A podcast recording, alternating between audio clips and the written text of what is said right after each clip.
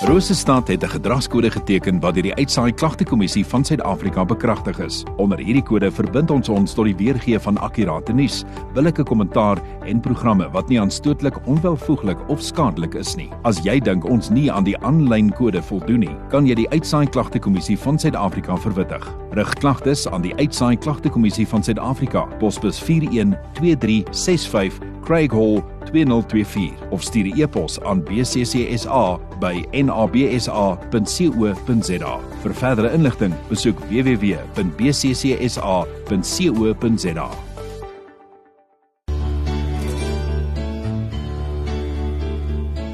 Tyd vir oggendgodsdiens op 100.6 FM. Wil iemand herinner as jy dalk moontlik uitmis op enige van die uh, oordeenkings of dalk die godsdiens kan jy altyd gaan terugluister. Die potgoeie is beskikbaar vir jou daar op roosstad.co.za. So jy kan sommer gaan kyk gister se se godsdiens saam met Prof Pieter Verster is al reeds daar gelaai. Uh vandag sien sal so 'n klein bietjie later opwees as jy dalk nou nie heeltemal kan klaar luister nie. Maar ons het uh, dan soos ek sê vir Prof uh, Pieter Verster. Prof, hoe gaan dit vanmôre? Hartlik goeiemôre. Cyril, nee, dit gaan goed. Dankie. Baie dankie. Dis net hierdie hitte wat ons vang in die muskiete, nee. Die muskiete woes, dis woes, hulle het nou besluit dis tyd. Val mes aan. Nee, regtig, dit is dit is baie woes. So kom ons kyk so 'n bietjie. Ons het uh, gister um, al begin uh, wat uh, pros 'n bietjie gesels het um, oor die advent na na nee, na na Kersfees toe. Kersfees en daarom die adventstyd voor Kersfees wat ons nou binne gaan en ek so op weg na die advent toe en dan ook 'n bietjie uit die Ou Testament sekere gedeeltes kyk en die betekenis daarvan saam met uh, die hele gedagte dat Jesus ons verlosser is. En vanmôre wil ons uit Genesis 45 'n bietjie stukkie lees van die Josef geskiedenis.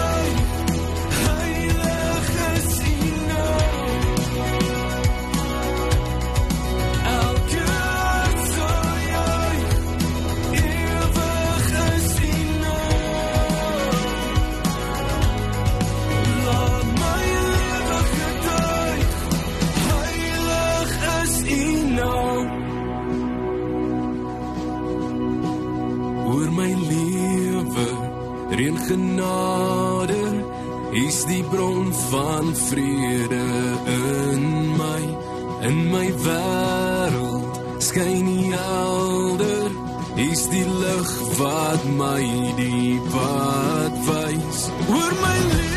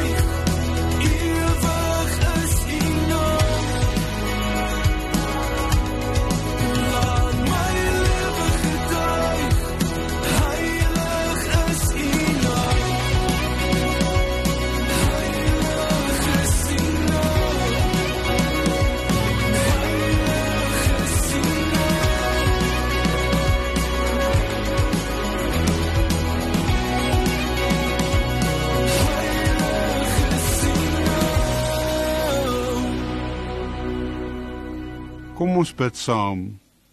O drie enige God, ons bid dat ons vrede mag hê. Dat hulle wat ons liefhet rustig mag woon.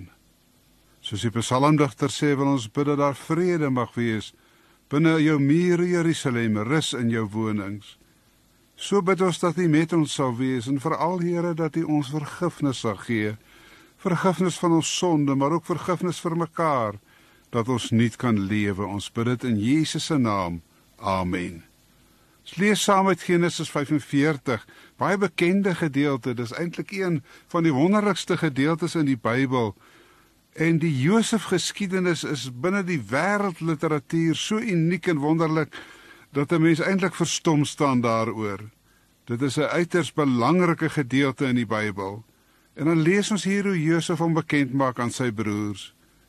Josef kon homself nie langer bedwing voor die mense wat hom bedien het nie. Hy het hulle almal beveel om van hom af weg te gaan en daar was van die wat hom gedien het nie een by hom toe hom aan sy broers bekend gemaak het nie. Hy het so hard gehuil dat die Egiptenaars en die mense in Farao se paleis dit gehoor het. Toe sê Josef vir sy broers: "Ek is Josef. Leef pa werklik nog?" Sy broers kon hom nie antwoord nie. Hulle was te bang vir hom. Maar hy het vir hulle gesê: "Kom na my toe." En toe hulle nader kom, sê "Ek is julle broer Josef. Julle het my verkoop en ek is Egipte toe gebring. Maar julle moenie nou sleg voel of bang wees omdat julle my verkoop het nie, want God het my voor julle uitgestuur om lewens te red." Dis nou maar die tweede jaar van die hongersnood in die land. Daar lê nog 5 jaar voor waarin daar nie geploeg of geoes sal word nie. God het my voor julle uitgestuur om vir julle oorblyfsel in hierdie land te laat oorbly, om julle aan die lewe te hou en sodat baie aan die dood sal ontkom. Dis nie julle wat my hierheen gestuur het nie, maar God. Hy het my laat aanstel as Farao se raadgewer en as bevelhebber oor sy huis en as regerder oor die hele Egipte. Ons kan baie leer uit die Josef verhaal. 'n Wonderlike verhaal. Maar dit is ook 'n verhaal van haat, nait en verwerping. Hierdie broers van Josef het niks van hom gehou nie. Hulle het hom beskou as 'n nuusdraer, as een wat stories vertel en daarom het hulle hom probeer doodmaak. Ruben het wel probeer om hom te red en uiteindelik het Juda ook beklemtoon dat hy verkoop moet word in plaas daarvan om hom dood te maak. Maar dan ken ons ook die Josef verhaal hoe hy dan verder gegaan het en in Egipte beland het. Ons weet van die verhaal van Potifar se vrou en die bedreiging van die dood wat heeltyd oor Josef was. Maar die Josef verhaal is ook 'n verhaal van vergifnis. Josef kon hierdie broers van hom wat hom so sleg behandel het uitgeskuif het uit die wêreld. Hy kon hulle laat onthoof het. Maar kyk wat gebeur hier trane van hoop en vergifnis. Josef huil saam met sy broers en dan hierdie wonderlike gedeelte in vers 5. Maar julle moet nie sleg voel of bang wees omdat julle my verkoop het nie, want God het my voor julle uitgestuur om lewens te red. Josef sê dus dis nie wat sy broers gedoen het wat van belang is nie, maar wat God gedoen het. God beskik. God het dit anders beskik en het 'n wonder daarmee gedoen en die Here het daartoe gelei dat Josef gered is en dat hy in Egipte 'n hoë posisie beklee het. Die broers is verstom. Wat het hier gebeur? 'n Wonder. Maar baie wonderlik is ook die feit dat Josef vergifnis vir sy broers het. 'n Mens sou kon dink dat hy hadraand sou wees. Mense sou kon dink dat hy hulle sou wou terugkry vir wat hulle aan hom gedoen het maar nee Josef vergewe omdat hy besef dat God die een was wat alles beskik het. Daar was 'n tyd toe ons uh, gedink het dat Bybelse figure soos Josef en Moses en Dawid tipes van die Here Jesus is, mense wat iets van die Here Jesus oordra. Vandag is ons baie versigtig om dit so te stel, want ons weet hoe swak en hoe on on on, on die die Bybelfigure ook maar baie sondig en swak was. Maar aan die ander kant is daar soms iets in hulle lewe wat na die toekoms wys, wat na Christus wys. En hier sien ons dit in die vergifnis wat na vore kom in Josef se lewe. Josef besef dat vergifnis ook 'n wonderlike saak is. In 1 Timoteus 1 lees ons dat Paulus 'n wonderlike woord sê.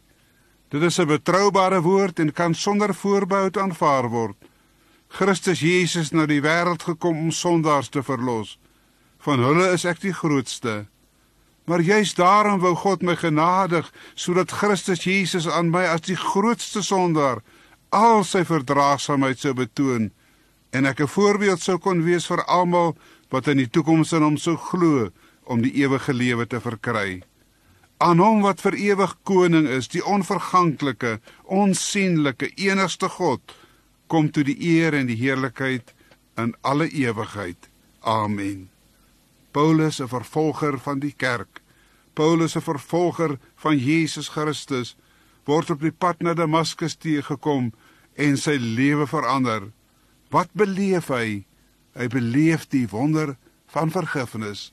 Hy beleef dat hy wat die kerk vervolg het, deur die Here Jesus vergewe geword en in 'n nuwe pad geplaas word om Jesus te dien. Daarom wil hy dit verkondig aan almal wat hy teekom.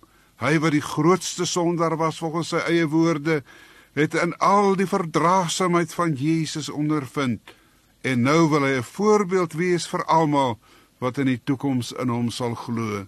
Vergifnis word deur Paulus beleef en hy spreek daarom ook vergifnis aan ander uit. Ware vergifnis is moontlik in Jesus Christus. Nou moet ons baie versigtig wees om mense wat sukkel om te vergewe te beoordeel en te veroordeel. Hoe sal 'n mens iemand vergewe wat 'n moord teenoor 'n geliefde gepleeg het? Hoe sal 'n mens iemand vergewe wat in 'n oorlog sterf en die vyand het hom doodgemaak? Dit is so ontsettend moeilik. Daar is mense wat praat van die onvergeeflike wanneer 'n mens hierdie dinge beleef. Maar tog, tog Dit is moontlik as die Here se genade oor 'n mens kom en 'n mens die wonder van die Here ervaar. Het die Here Jesus ons nie self geleer in die groot gebed, die ons Vader nie? Vergeef ons oortredings soos ons ook die vergewe wat teen ons oortree. En laat ons nie in versoeking kom nie, maar verlos ons van die bose. En dan ook as jy ander mense hulle oortredings vergewe, sal julle hemelse Vader julle ook vergewe. Maar as julle ander mense nie vergewe nie, sal julle Vader julle ook nie julle oortredings vergewe nie. Ons moet dit verstaan binne die ruimte van die lewe met die lewende God. Ons moet dit verstaan in die noue verhouding met Jesus Christus. Alleen dan kan ons ook vergifnis uitspreek. Josef het ondervind dat die Here hom gelei het na Egipte sodat hy ander kon red en so het die vergifnis gekom en hy het vergifnis uitgespreek oor sy broers. Mag die Here ons daarin help. Wat ons weet die Here Jesus toe gekruisig is het ook gesê Vader vergeef hulle want hulle weet nie wat hulle doen nie.